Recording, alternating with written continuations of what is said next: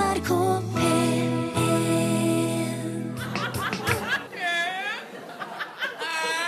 Liker du òg å le på mandagskveld? Her er Utakt ved Per Øystein Kvindesland. og Bjørn Olav Skjæveland. Vi lover to timer med god musikk Godt selskap. og utrolig godt humør. Nå kommer vinteren, og vi har ingen sommerhatt. Men hva skal vi med sommerhatt når vinteren kommer?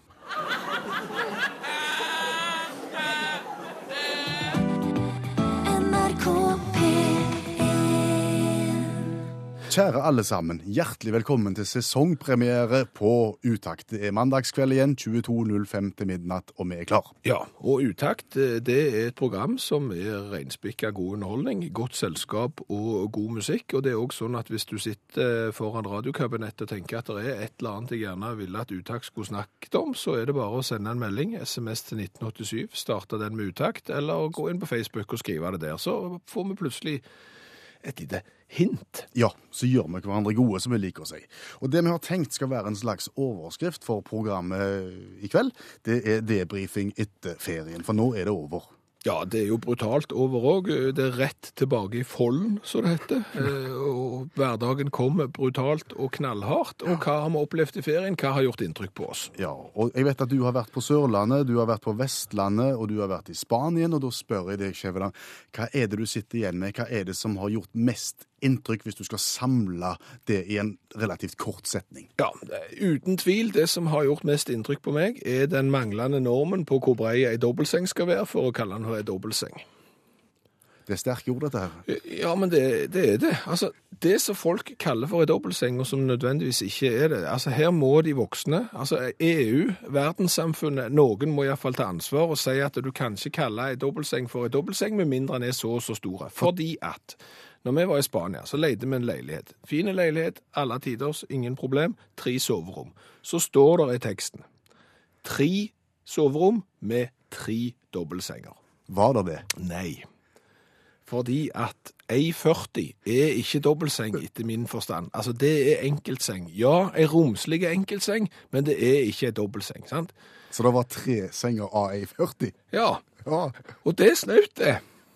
Faen far. Ja, altså når du er skrudd sammen eh, sånn som jeg er. Det er klart hvis jeg hadde vært eh, spanjol og vært 40 cm lang og 10 cm bred, så hadde det gjerne ikke vært no noe problem. Men det er klart at det, du, du kan ikke gå ut og flagge det der som dobbeltseng. Så, så, så det jeg etterlyser igjen, altså et regelverk, det er jo for eksempel sånn. Du kan ikke kalle en brus for sitronbrus, fordi at det er jo ikke sitron igjen, sant? Og du kan jo heller da, i mitt hode, ikke få lov å kalle en dobbeltseng for en dobbeltseng når han er enkel. Ja, det har vi skjønt. Ja. Så, så, så der, og da er jo bare spørsmålet, hvor breie bør han være? Ja, skal du ha amerikansk norm på dette her? Altså hvis du husker når vi var i Las Vegas, Ja, da var ikke vi snauere enn at vi delte rom. det gjorde vi. Ja, men det var et såkalt twin-rom. Det vil si at det er to enkeltsenger i god avstand fra hverandre, sant? Ja. I, I trygg forvissning om at vi, vi holder oss på hver side av rommet. Ja. Dette var enkeltsenger. Hvor breie var enkeltsengene i Las Vegas? De var bredere enn det som jeg vanligvis definerer som ei dobbeltseng. Ja, de var to meter. Minst. Ja. Og det var enkeltseng. Ja, Men jeg syns ikke vi kan ha, bruke Las Vegas som mal hvis du skal inn på denne her internasjonale normen som du vil ha. Nei, men du kunne jo iallfall sagt det sånn at hvis det kan være enkeltseng i Las Vegas, så kan det være dobbeltseng i Spania. Det burde jo kunne gå. Ja, skal vi sette et tall? To meter. Ja, skal vi begynne på to? Selvfølgelig skal vi begynne på to Altså, hvis vi begynner på to meter Hvis vi foreslår det for eksempel for Reise til Brussel og foreslår to meter som en minste norm for dobbeltseng, sant? så er de gjerne ikke enige med oss. Og så går de ned. Litt sånn pruting til og fra. Så sier de A60, for eksempel. A50. aldri i liv- Aldri livet, sier vi. Og så møtes vi på midten. A85. Ja, eller altså, vi- A80, that's my final offer, sier vi. sant? Og så plutselig så, så, så vet du at neste gang du skal til Spania og leie leilighet, så kommer du til å ligge som en greve. NRK P1 Og vi har slutt på ferien spesial. Ja, vi oppsummerer de inntrykkene vi har hatt eh, etter å ha vært ute og feriert. Eh, Jeg har klagt på dobbeltsengene i Spania. Jeg vet du har feriert òg. Hva har gjort sterkest inntrykk på deg, Per Øystein? Nei, jeg, jeg er litt usikker, men, eh, men jeg føler vel at noe av det jeg opplevde i Italia, når det slo meg at pizza ikke nødvendigvis er pizza. At pizza ikke er pizza. Ja. For Hva det- er pizza da? Nei, du vet at når du skal ut og spise i Italia, Jeg har ikke vært der, men det er greit. nei, så får du jo meny, og Ja. selvfølgelig på eh, samtlige restauranter i Italia så er det mulig å få kjøpt seg pizza. Og de har egne sider i menyen Ja. hvor du kan få kjøpt pizza. Egen pizzameny, altså. Jeps. Som ikke er pizza. Vet du hva det står øverst der? Nei. Pizza. Øverst på pizzamenyen så står det Pizza. Så det heter ikke pizza, det heter pizza. Så her har vi altså da i, i årtier og over hele verden adoptert denne retten som da antageligvis i utgangspunktet stammer fra Italia, eh, som da heter pizza, eh, valgt å kalle pizza. Og det har vi gjort over hele verden. etter det du har grunn til å tro. Riktig. Vi sier ikke spagetto. Bacalai. Nei, men altså, bare, bare et lite kontrollspørsmål. Nå, nå snakker ikke jeg eh, italiensk i det hele tatt. Jeg bare resonnerer. Jeg er et tenkende menneske. Jeg prøver å finne en løsning på det som du faktisk nå sier. Under pizza. Ja. Hva står det der på menyen? Under pizza. Ja. Der kommer alle pizzaene. Der kommer alle pizzaene, ja. Grandiosa, mafioso, bardidanti, danti, capricuccio. Alt kommer der, ja. Ja. Det har ikke slått deg at pizza, uten at jeg er 100% sikker, men jeg er- har en anelse, du tror ikke at pizza med E på slutten kan være flertallsversjonen av pizza? I og med at det er flere? Har ikke tenkt på det. Nei. Hørtes det ut som jeg hørtes det logisk ut? Nei, jeg nei, ikke spesielt. Nei, men så, hvis du går på norsk meny, Ja. på pizzamenyen der, Ja. på norsk restaurant, Ja. så står ikke pizza her på- som overskrift for alle pizzaene. Det står men pizza, og så står det mange under. Jo, men, men det er ja, Nei, men altså, hvis det er noen eh, italienskfaglige som kan fortelle og, hva pizza heter på italiensk, om det er pizza eller pizze, om pizze er Det er jo en verdens nyhet hvis vi har gått på en smell hele tiden. ja, det er klart det, og dermed så vil jeg påstå at det, det er nok ikke en verdensnyhet, for da hadde nok den bobla sprukket før. Altså, Hvis det er noe som er problematisk med pizza og navn, Ja. så er det doktoren. Doktoren. Har du ikke kjøpt ferdig pizza? Grandiosa. Nei, er noen andre. Ja. Og da er det jo doktoren. Altså doktor Ødger. Ja. Altså, kan du tenke deg Nei, jeg kjøpte pizza av doktor Økter. Altså, på et eller annet tidspunkt så Hvorfor kaller du deg doktor når du lager pizza? Det er problematisk, det. Kjenner du historien til doktoren? Ikke helt. Jeg tror han var doktor. Han var doktor. Han var doktor, ja. Han hadde iallfall tittelen doktor for lenge, lenge siden. ja. Rett før 1900 eller et eller annet sånt. Og så fant han opp noe bakepulver. Ja. Og i det øyeblikket du begynner å satse på, på næringen bakepulver, så kan du for så vidt bare droppe doktortittelen, tenker jeg, fordi at det har Det henger jo ikke med. Sant? Du, du, du, er, du blir ikke god på bakepulver for det om du har eh, embetseksamen i kirurgi eller noe mirakels. Og I tillegg så har jo doktor Ødgårds Ø- Dr. Ødgård-selskapet. De er jo inne i shipping. De har bank. Du kan tenke deg jeg skal til doktoren og låne penger. Hæ? Hva er det for noe? Og de selger jo på yoghurt og pudding og bakepulver og kake, og så skal du kalle deg for doktor. Nei, altså tenk Statoil, for eksempel. Når de slo seg sammen med, med Hydro, Ja. så måtte de jo endre navn. ja, da ble det Statoil Hydro. Ja, det ble det, sant? Ja, så ble du Statoil igjen. Det var et fryktelig dårlig eksempel. Men, men vi tar eh, tar, et annet, du. det jeg kom ikke på noen. Men de endrer jo navn, selskap, sant? Ja, som kler produktet på Som kler produktet, og hvis du har et mangslunget produkt, som her i Dr. Ødkors tilfelle strekker seg fra, fra maritim frakt til, til bank og bakepulver, Ja. så kan du droppe doktortittelen. Altså, det virker bare tåpelig. Forslag? Ødgar? Frossenpizza. Og Fordelen med utakt er jo at vi har langt smartere lyttere enn vi har eh, programledere i studio. Du kom jo med verdensnyheten at pizza i pizzaens eget hjemland Heter- heter pizza. Ja, Og jeg tenkte at her har vi gjort en feil. Ja, Du mener at verden da har adoptert pizza helt feil. Alle har eh, gjort A på slutten, mens det skulle vært E. Mm. Olaug har eh, hermed korrigert deg. Pizza med E, som står på toppen av alle pizzamenyene du har lest, er pizza i flertall. Så én pizza, flere pizza. Ja, Det mener Olaug. Olaug har mer greie på italiensk enn det du noen gang kommer til å få. Så har vi òg diskutert eh, bredde på dobbeltseng. Ja, du har eh, gjort deg rasende. Du har ønska en felles norm for hvor stor en dobbeltseng egentlig skal være. Ja, for det er klart at leier du ut eksempel et hotellrom, leier du ut en leilighet, og så flagger du gjerne den eh, utleieannonsen din med at du har x antall dobbeltsenger, da bør det jo være en norm på hvor breie kan den senga være for å få lov til å kalle den en dobbeltseng. Ja, og vi har foreslått at vi starter på to meter, men vi skal akseptere 1,85. Ja, og bakgrunnen for det er at det var tre dobbeltsenger i den leiligheten vi leide i Spania. Alle var 1,40. Tre enkeltsenger kaller jeg det. Vigdis har ment noe om dette. Ja, spanjolene oppfordrer til sengehygge, ergo derfor 1,40. Nordmennene oppfordrer til søvn, er derfor 1,80.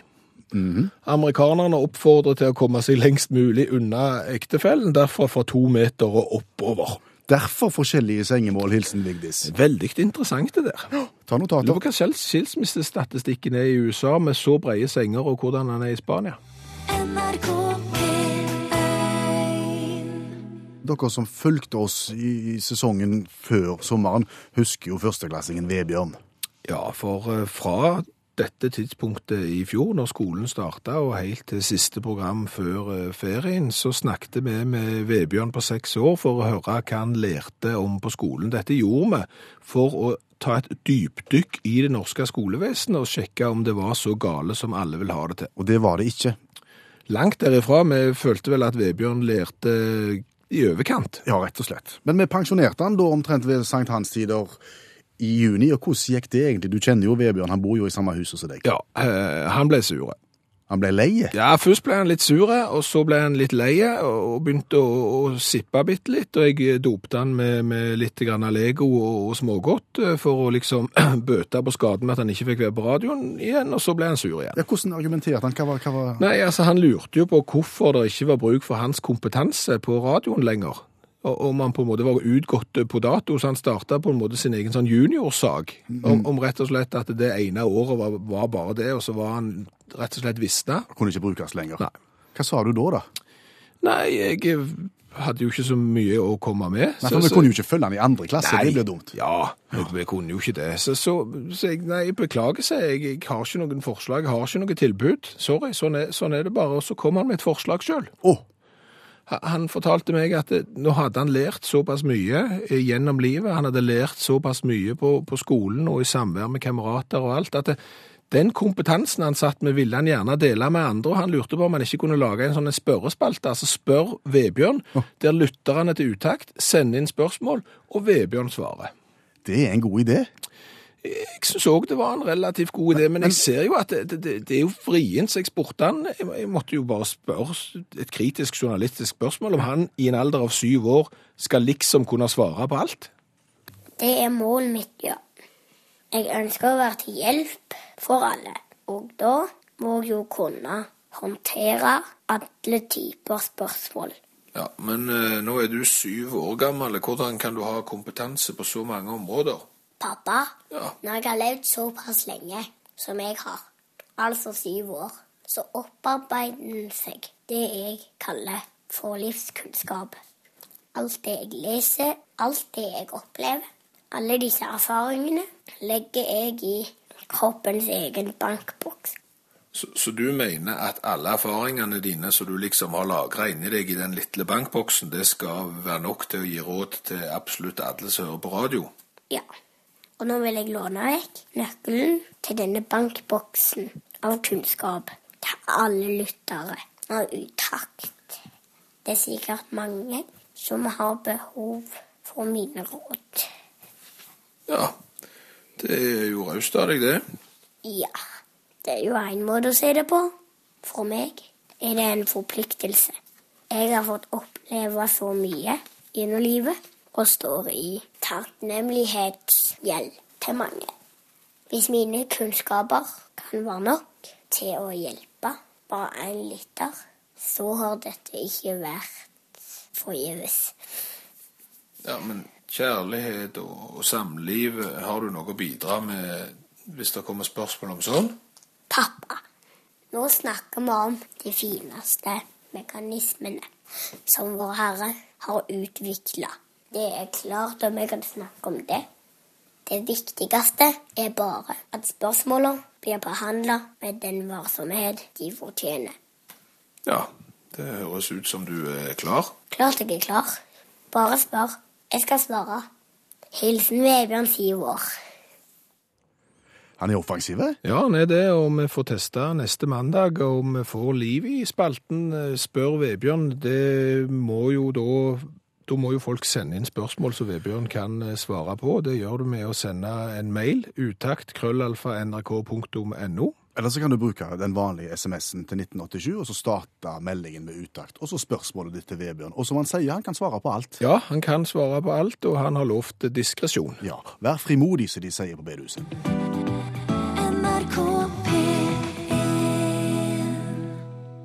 Jeg heter Per Øystein Kvindesland, og med min side sitter Bjørn Olav Skjæveland heter jeg. som utgjør kjernepersonalet i programmet Utakt.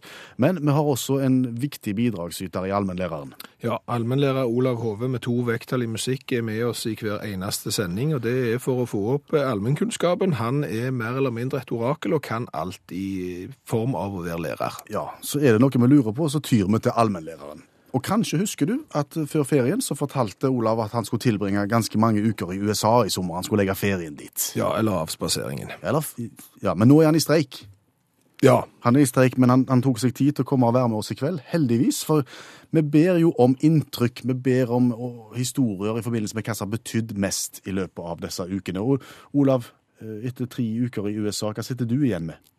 Nei, du vet, eh, Det er så masse, men uh, skal en gå konkret inn på ting, så tenker jeg kanskje holdning til holdning til pangpanger, uh, skytevåpen og den type ting. Så Um, Ja, hadde du noen konkrete episoder som, som gjør at du sier akkurat det? ja, det var en sånn dag der du følte at eh, du skal liksom du skal, Kjønnsrollemønsteret skulle fungere, kona skulle ta mann i ped i et eller annet sånn kyr, og, og jeg tenkte da må jeg gjøre noe annet, og så eh, Rett med mann i skråstrek i ped i kuren, det var et skilt som heter Tactical Firearms.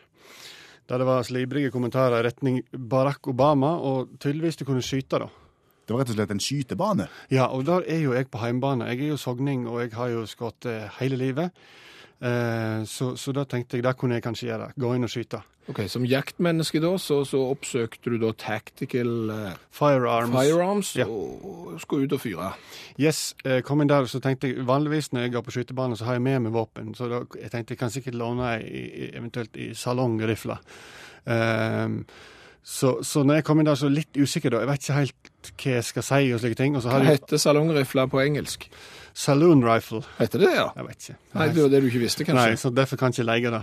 Eh, og, og, men så hadde jeg dekorert veggen med all slags våpen, så det så jo litt sånn ut som en slags eh, utstoppa greier. Det så ut som, ja, det var masse trofeer. Men var det noen som henvendte seg til deg da, som ville hjelpe deg på vei? Ja, ja, det var hyggelig betjening, og, så, og, og de var, har lette tone og slike ting. Men, men det enda opp med, det dreide seg om hva jeg ville låne av type våpen. Jeg har ikke så greie på, utenom salongrifler og rifler og luftgevær, så har ikke jeg så god greie på det. Men han spurte direkte hva vil du ha? Ja da, og jeg er jo lett til sinns, så jeg tok liksom la, ja, nei, la meg få en Kalasjnikov. Bare for å være artig, da. Sa du, sa du bare på tøys, liksom? Ja, jeg sa bare på tøys. Det maskingeværet som eh, er produsert i Russland og er det mest solgte eh, rundt omkring? Ja, jeg liker ikke russere, og sånt, så jeg tenkte det skulle være litt artig, da. Ja. hva sa amerikanerne når du ba om Kalasjnikov? Da sa han 'excellent choice'. så Og han tulla ikke. han tulla ikke. Så de hadde det til utleie? De hadde det til utleie, ja. Um, Så du fikk Kalasjnikov, og hva, hva skjedde så? jeg fikk et spørsmål hvor mange patroner jeg ønsket. Så jeg sa um, 100. Og ikke mer? sa- 200. OK, beklager. Så ble jeg henvist til bane 9, og så skulle han komme inn med, med, med Kalasjnikoven og, og patroner. 200 i tallet. 200-tallet gikk inn eh, i bane 8, der var det hollandske eh, fotballsupportere som hadde lånt seg en Glock, fortalte de meg. Pistol? Pistol, ja. Syntes det var kjempefestlig med høy smelling og slike ting. De hadde kanskje røkt en del ting de ikke burde gjøre. Og i bane 10 der var det da en far som hadde med seg sine 12-13 år gamle tvillingdøtre og skulle lære dem selvforsvar, i den grad du kan kalle skyting med store revolvere for selvforsvar. Angrep er jo det beste forsvaret. Og, inn, og innimellom her så, så, så skulle Hove, allmennlærer med to vekttall i musikk, skyte med Kalasjnikov og 200 skudd. Jepp. Kom instruktøren etter hvert? Ja, han kom inn med det og ga det til meg, da. Og jeg hadde jo prøvd å opptre et verdensvant, så han ga, han ga meg muskedunderen og 200 patroner. Og det er ikke nok, for jeg vet ikke Han hadde jo ikke Det var ikke noe, det var ikke noe bruksanvisning. Sånn Hvordan fôrer du en kalasjnikov med pang-pang? Det visste ikke jeg. Men du fikk hjelp. Fikk hjelp, ja, og fikk eh, Jeg ga veldig fort med 200 skudd. kan jeg- gjør det, det var Ja, derfor ja. jeg syntes det var litt lite, kanskje. det, det er nesten bare å holde det inne, så du spyr det ut. Eh, så det var finfint, altså. Ja. Ja. Og en, to, tre, så var det tomt. Ja, det var fort gjort. Det var en kort time. Hva sa mannen da når du gikk, da? Da sa han hvis du er fornøyd med dette her, så kan ha, tilbyr vi han i, i giftshoppen. Så jeg er utlending, så det går ikke. Ja, det, og du er det, ja. Men ja, ja, vi, vi fikser det, sa han. Så du kjøpte med deg en Kalasjnikov hjem? Jeg gjorde ikke det. Eh, Noen tar tømmerrenna i dyreparken og tar med seg bilde hjem når de skriker i fallet nedover. Olav Hove ble tilbudt Kalasjnikoven han har tømt 200 skudd med. In the United States of the USA. NRK P1 Det er ikke bare bare å være menneske, Skjæveland. Nei, det er ikke det. Vi har jo eh, snakket i dag om inntrykk som har gjort, eh, vært sterke for oss i, i ferien, og bedt andre òg komme med sine innspill. Truls har jo f.eks. Eh, hatt en innholdsrik sommer. Han gikk til butikken med godt mot, kjøpte maling og utstyr, klar for å pusse opp eh, huset sitt på ei helg. Eh, tre uker seinere så var han 10% ferdig og måtte ringe til en voksen eh, som kunne komme og gjøre det ferdig. Og to dager etter han hadde ringt til den voksne, så var huset ferdig oppussa. Så Truls har da lært i sommer at han ikke akkurat er praktisk anlagt. Jeg tenker når, når jeg sa det innledningsvis at det er ikke bare bare å være menneske, så tenker jeg litt på dette her med trening og trim og forventninger til hvordan en skal se ut. Jeg. For det er jo et, et mas før ferien om altså de, SK 2014, vet du hva det er? Nei, Det er ikke ei flyrute. hva er det da? Det er en hashtag. En hashtag? Ja. En sånn en, ja, en sånn en, ja. Et, -hmm. et emneord.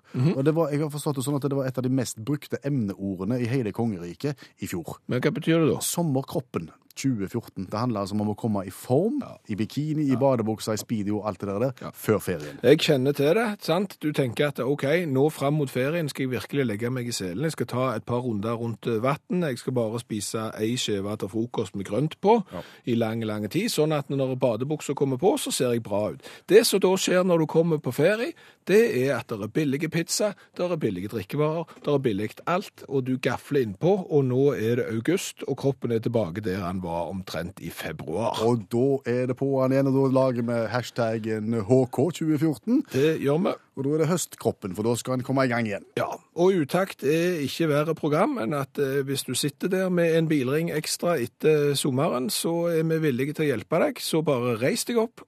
Og heng med. God dag og vel møtt til den vesle, men gode strekken vår.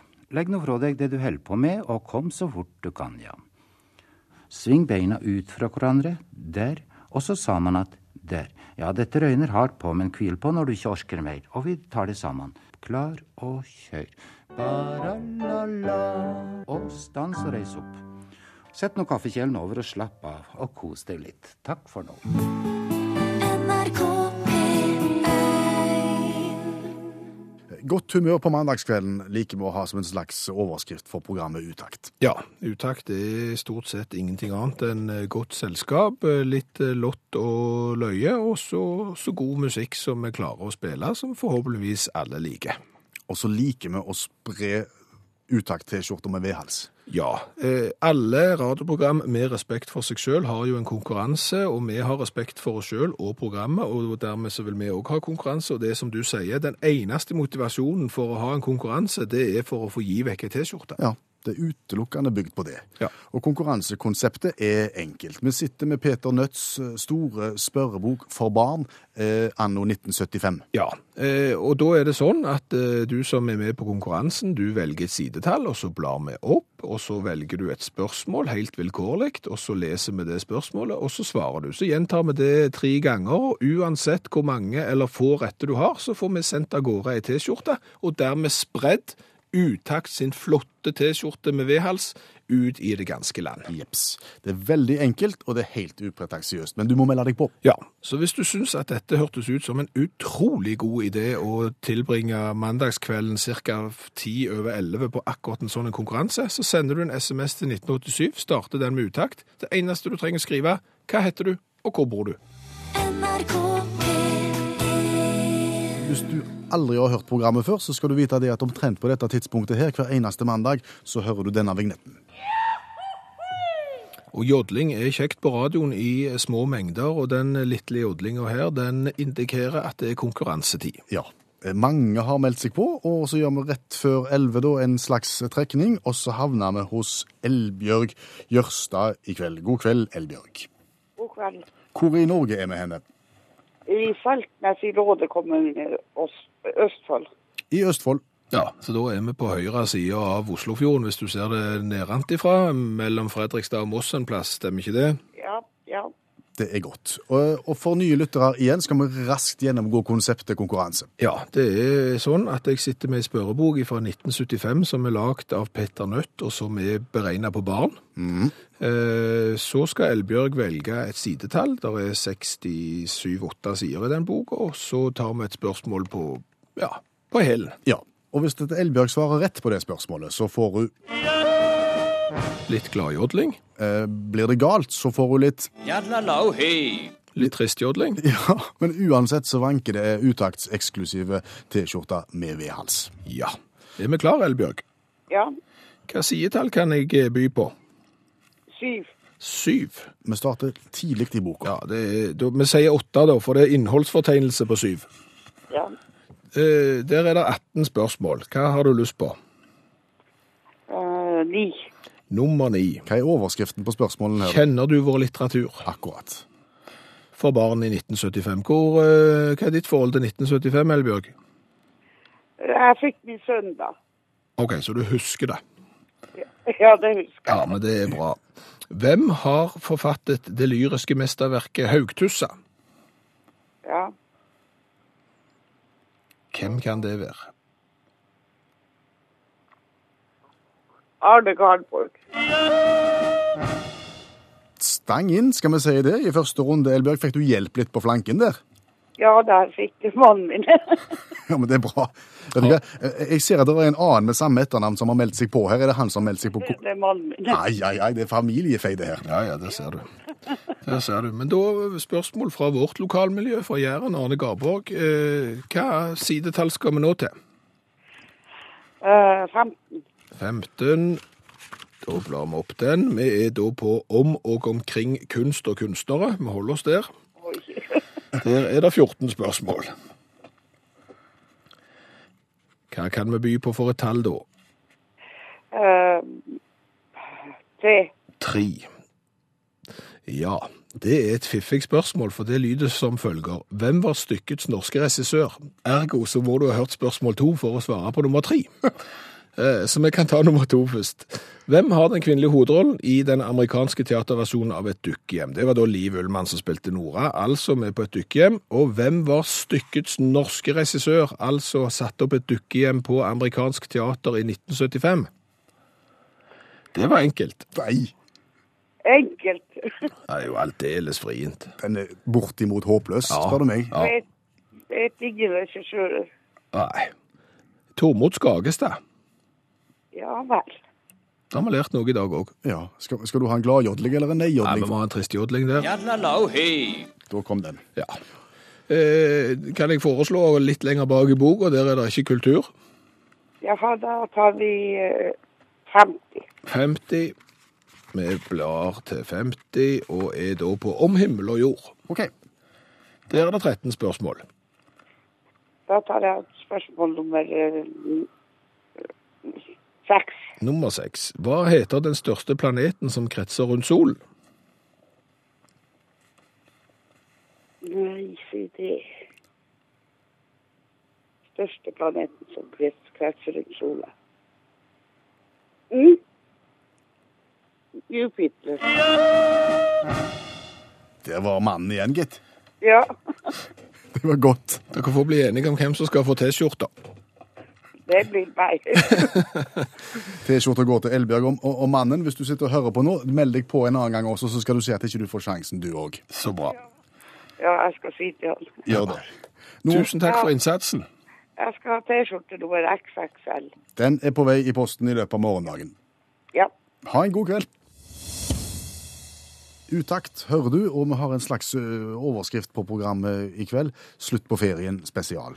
Ja, og da oppsummerer vi de tingene som har gjort inntrykk på oss i ferien, de tingene vi eventuelt kan lære av, som ikke går i samme fella neste sommer. Er det min eller din tur nå? Det er min tur. Vær så god. Og jeg har eh, overskriften her, eh, sovemasketrøbbel. Skjæveland forteller om sovemasketrøbbel i Spania. Ja, jeg vet ikke om det heter sovemaske, men eh, i løpet av mitt liv som ferierende så har jeg jo vært i en og annen leilighet og på et eller annet hotell, og jeg har vel lært det etter hvert at det er ikke alle land og alle hotell, alle leiligheter som har det samme forholdet til gardin som jeg har. Nei, Altså, jeg er en av de som syns at det er alle tiders når det er mørkt på soverommet. Til og med når sola har stått opp på morgenkvisten, så syns jeg at det er greit at det er mørkt. Men det er det ikke alle som har skjønt. De opererer gjerne med lysblafrende gevanter. Ja, og, og dermed så tok jeg mine forhåndsregler før årets sommerferie. Jeg pakte med meg den der maska som jeg fikk på en flytur eh, til USA en gang. Den der som du skal liksom ta foran øynene, sånn at selv om det er lyst i kabinen eventuelt, så får du sove der det er mørkt. Jeg hadde aldri brukt den, men jeg pakket den med i, i kofferten og tenker, den får jeg sikkert bruk for. Altså, Det er en slags sånn en skinnlapp som ligger over øynene, eller i velur. Ja, altså mykt, eh, alle tiders flott eh, tøystykke med strikk på hver side. Altså, det ser ut som slalombriller som ikke er gjennomsiktige, sant, i, i, i tøy. Men det er strikk helt rundt hodet. Ja, det er strikk akkurat som det er på, på slalombriller, og den er i tillegg veldig tynn. Eh, Poenget med å, å ha den med var jo som sagt for å holde det mørkt, og den fikk jeg eh, bruk for. Ulempen med å ta med en sånn i maske som du ikke har prøvd, er at du vet ikke om den passer, og det gjorde han ikke. Var- du for omfangsrik i ansiktet? Skjæveland? Nei, men altså, for å si det sånn, han var litt stram. Ja, han var det. Eh, altså, han dekte øynene, så han gjorde jobben sin, sant? og det ble mørkt, men, men han var litt stram, og, og de festene på siden, altså der som du ser for deg at, eh, at strikken ble festet til tøystykket, det, det var litt tett inntil øynene. Men eh, du tenker ikke noe mer på det, du bare legger deg til, og du, og du sover til, til morgenen etterpå. Mm. Og det er da når du våkner at du merker at du har lagt med for trange sånne masker. Var det problemer med blodomløpet? Nei, nei, nei, nei, du aner ikke hva problemet faktisk er.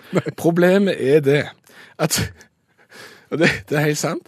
Strikken er så stram at han presser på øyeballene. Altså øye, eller øynene, rett og slett. sant? Okay. Og det er som når, og når det da har vært sånn en hel natt, altså i timevis, så våkner du, så tar du den av, så ser du ikke skarpt. Du kan selv prøve å presse på øynene dine, sant? Da, da, da blir du ufokusert. Du ser i kryss og tvers. Så etter en natt med sånn en maske, så ser du ikke bein. Og vet du hvor lenge det varer? En halv time tar det før du, før du du ser bli bein. Ja. Så, så du må, når du bruker en sånn en maske som det, så må du passe på at du ikke skal ut og kjøre før i hvert fall. Altså, det er litt sånn, sånn rød trekantgreier. Du må ikke kjøre den nærmeste timen, for da ser du ikke beint.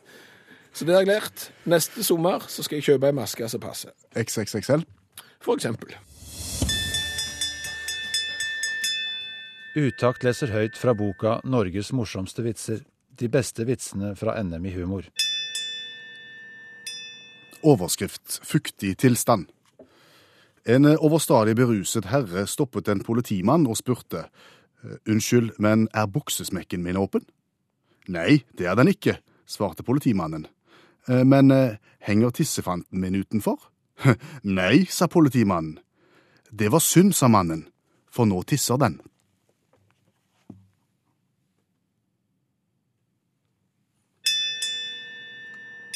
Du har hørt Utakt lese høyt fra boka 'Norges morsomste vitser'. De beste vitsene fra NM i humor. Utakt i NRK P1, eh, hvor vi i kveld snakker litt om eh, opplevelser som har gjort inntrykk i ferien. Eh, Nå er det min tur. Ja, din tur. Ja, jeg liker jo gjerne å besøke en sånn hardrock kafé når jeg reiser rundt omkring i verden. Ja, det har du gjort siden 80-tallet. Der har du kompetanse. Ja, jeg ser på gjerne 80-tallsgitarer, eh, hører på 80 ser på 80-tallsvideoer på veggen osv. Og, så videre, og koser meg og spiser is. Ja, og hvordan har dette preget deg denne sommeren? Eh, Språket på den hardrock-kafeen som jeg besøkte i år. Okay. Ok. Ja, altså, du kommer inn 'Hello, guys', Ja, de. 'Welcome', og, og alle tider. Så de snakker engelsk, amerikansk, som bare juling. Ja, men det er jo hardrock-kafé. Hva for en hardrock-kafé var du var på? Karl Johans gate. Oslo. Oslo, hovedstaden. Og de sa Hello, guys. How are you guys? Jo, jo, What det- can I get you guys? Jo, Wanna det- drink, guys? Jo, men det er jo fordi at svært mange i uh, den bransjen der er jo rekruttert fra andre land. Altså Sånn er det jo bare masse svensker, sikkert mange amerikanere som kommer for å, og eh, eventuelt jobbe på Hardrock Café i Oslo. Men jeg tenker at er det sånn at alle her snakker amerikansk? Tror de vi er amerikanske, og derfor snakker de amerikansk? Så jeg svarte på norsk. Så han sa 'hello, how are you guys?' Helt du. OK, sa jeg, det går bra. How can I get you guys? Jeg vil ha en iskrem, sa jeg. Og så fikk du Ja, jeg fikk akkurat det jeg ba om. Og det jeg sier, jeg, jeg svarte konsekvent på norsk, og damen snakket konsekvent amerikansk. Så jeg lurer på om det er en gimmick. At det bak på kjøkkenet så snakker de uh, Grünerløkka. Snakk, språk. Men så kommer de ut i restauranten, så snakker de amerikansk fordi de er pålagt for de jobber på Haro kafé. Så skal de ta på seg den amerikanske staffasjen, Det, kanskje? det var det jeg lurte på. Men dette vet jeg ikke. Nei. Men det er kanskje noen som har vært borti det, noen som har jobba der, som kan hjelpe oss på veien. Det er jo fiffig. Ja. Hvordan skulle det tatt seg ut? Du kan jo tenke deg da at hvis du da Jeg har kafé. det, det er vel amerikansk? Antageligvis. Ja. Tenk deg det at hvis du skal jobbe på en plass, så må du snakke det språket så de snakker der den bedriften er grunnlagt.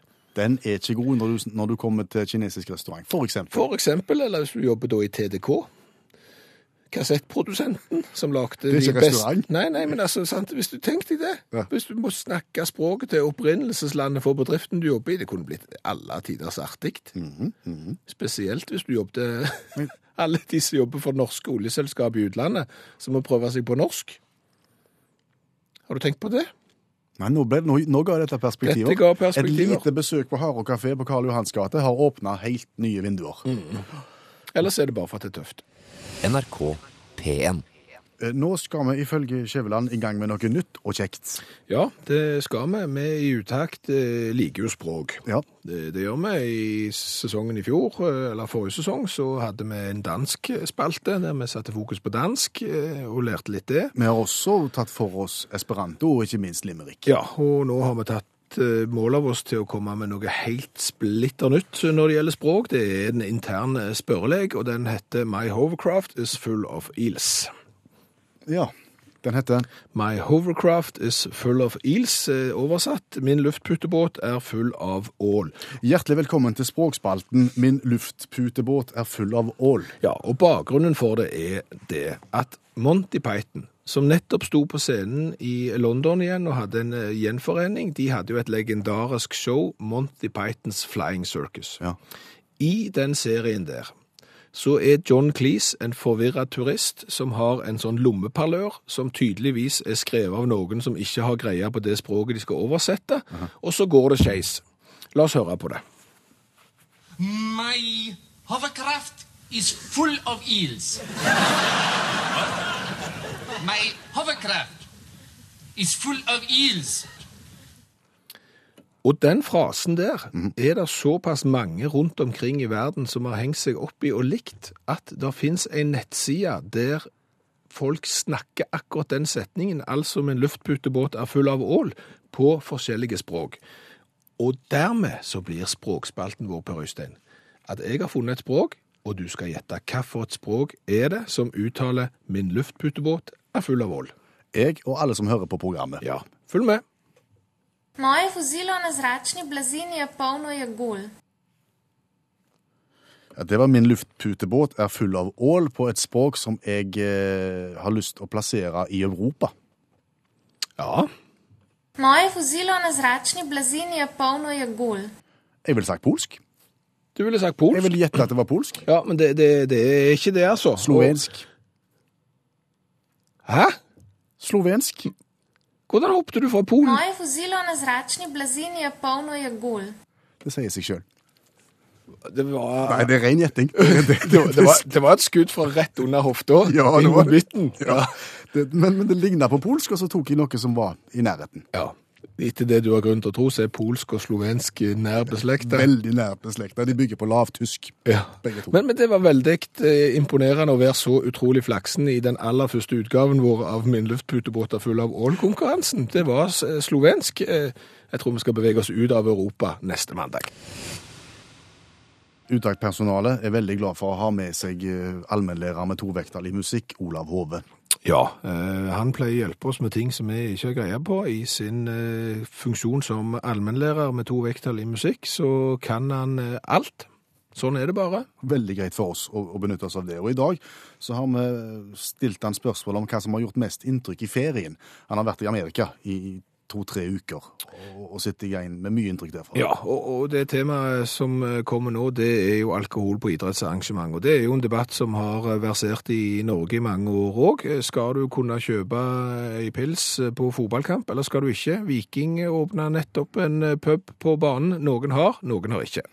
Olav Hove kom hjem fra USA med en helt spesiell opplevelse som handler om akkurat dette.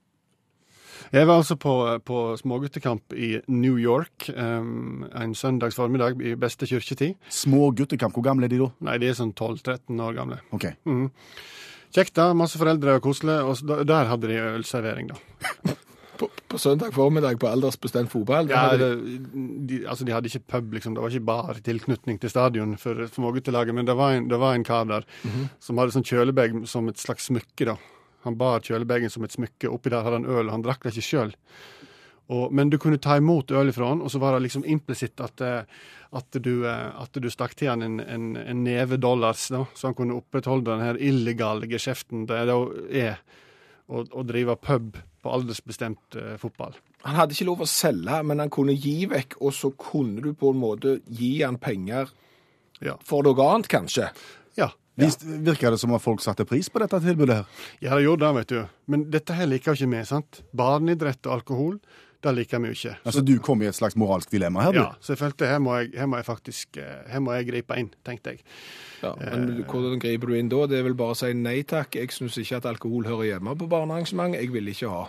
Ja, for, et, for en litt, eh, ja, hvis du ikke tenker så langt, så er det absolutt ikke dumt. altså. Men for, for jeg kunne jo, jeg kunne jo, nummer én, jeg kunne lagd brudulje. sant? Ja. Jeg kunne skapt meg, lagd scene, funnet meg en barrikade å stå på, hutta med neven. Det kunne jeg ha gjort. Eh, men jeg er jo ikke helt typen til det, på en måte. da. Ja, du valgte en annen tilnærming? Kunne tatt han til sides, eh, klappa han på skuldra og sagt at det her er ikke greit.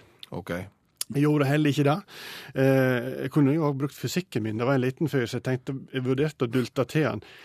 Men jeg er jo gjest i landet, ikke sant? så da tenkte jeg vi må ha en mer sånn snedig tilnærming til det. da. Eh, var min plan. Hvordan markerte du da avstand mot alkoholservering på, på aldersbestemt fotballkamp? Nei, jeg ble jo tilbudt dette her, da, og jeg tok imot. Du tok imot, ja. Og så drakk jeg opp ei flaske, så tok jeg imot ei til. Drakk opp den, og så lata jeg litt som at uh, spiller nummer fem da, på Pelham småguttelag var, var, var, kunne vært sønnen min, da. For han var lang og litt kortklippte. Kunne lett ha vært sønnen min. Eh, og når jeg tok imot flaske nummer tre, så, så pekte jeg litt på han og liksom var joviale, da. Nå har du tatt imot tre flasker, Hove. ja er det, kommer det en fire nummer fem òg her? Ja da, men det er ikke poenget. Po Poeng, nei. Jo, men nå, nå, nå, må du, nå, må du, nå må du forklare. Fordi at for å vise misnøye og aversjon mot at de serverer alkohol på barnefotball, så drikker du tre, fire, fem flasker øl. Ja. Hvor, hvorfor det? Du tar turen ved hornene, for nå tenker han mannen vet du, med kjølebagen rundt halsen at uh, han der kommer til å komme igjen neste søndag òg, han. Han er, han er sikkert tysker som drikker så alvorlig med øl. Så da, altså, han kommer til å, han kommer, jeg, jeg kommer til å gå bankerott pga. denne fyren der som drikker så grassat med øl. Så jeg er helt sikker på at neste søndag så dukker han opp uten den toskne kjølebagen sin. Da hadde jeg avverga det. Jeg hadde drukket meg brisen under barneidrett for å unngå at folk skal drikke seg brisene under barneidrett. Det er edelt, Hove. Det er fiffig. Ja, ja. Har du leid bil i utlandet noen gang? Opptil flere ganger. Hvordan har det gått? Nei, altså, Du husker vel gjerne når vi leide bil i USA? Ja, Da lurte de oss. Eh, Det kan du vel eh, trygt si. Den prisen vi hadde fått på nettet, var vel omtrent en tredjedel av det vi betalte. Den GPS-en vi leide, var såpass dyre at vi kunne kjøpt fire GPS-er, tatt med oss hjem og spart penger. Eh, Svindel og bedrag fra ende til annen. Men når du kjører i åtte felt i eh, Los Angeles, så trenger du GPS, så det var litt godt vi fikk den med. Ja, ja. Så det er greit. Men eh, jeg hadde jo leiebil i Spania i sommer, og da er det jo alltid det tilbakevendende tema og spørsmålet som stiller seg når du sitter der på internett og skal bestille. Hvor mange kryss skal du sette av på forsikring? For det at du kan leie bil, det er ikke dyrt.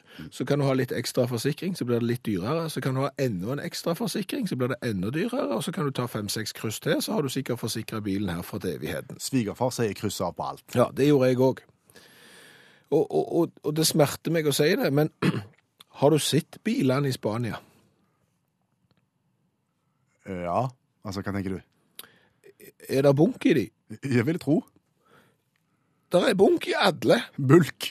Ja, det er bulk i alle bilene i eh, Spania. Og jeg tenkte når jeg satt der med dette skjemaet, så, så tårte jeg ing, altså jeg tørte ikke å la være å krysse på alt som fantes av forsikring. Fordi at én ting er jo meg sjøl. OK, kanskje jeg ikke treffer de, men de treffer gjerne meg. Og jeg er ikke god å krangle på spansk og skrive skademelding. Og med den bilparken deres, så tenker jeg nei, det vet du hva, det her eh, tør jeg bare ikke. Og dermed så forsikrer jeg bilen herfra til evigheten. Er du glad du gjorde det? Ja.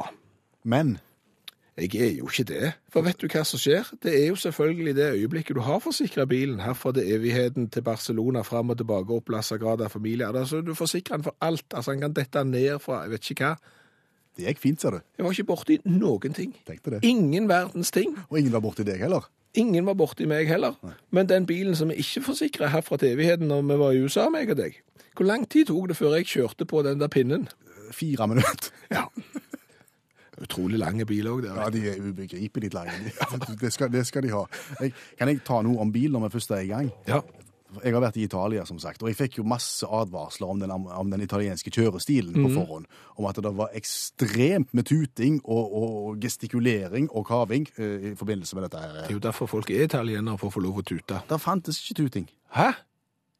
Ingen tuta der jeg kjørte, og jeg kjørte på mange forskjellige steder. Så da måtte du tute? Nei, men vet du hva de bruker for å gi beskjed? Nei. Fart. Altså, Hvordan indikerer du hva du mener med fart? De kjører så fort de kan oppi deg eller på sida av deg, og, og, og presser deg enten foran eller bak eller til sides når de mener et eller annet og vil et eller annet. OK. Men de bruker ikke tuter. Nei. Men da har vi lært det. Du trenger ikke forsikre bilen din i eh, Spania, for det går stort sett eh, godt, selv om ikke spanjolene kan kjøre bil. Og så er du i Italia. Ikke tut, kjør fort. Der har du det. Og da har vi vel egentlig vært igjennom det aller meste med tanke på feriedebrifing. Nå har vi lagt bak oss ferien og ser framover mot jul. Ja. Nå er det ingen fridager før langt ut i eh, desember. Eh, Det er jo godt å tenke på det, at vi kan få noe nytte hver eneste dag. Men utakt er på plass hver eneste mandag fra 22.05 til midnatt. Det er iallfall noe. Det er helt sikkert. Dette var sesongpremieren ved Per Øystein Kvindesland. Og Bjørn Olav Skjæveland. Og sov godt dere som skal det, og hold dere våkne dere som trenger det. Hør flere podkaster på nrk.no podkast.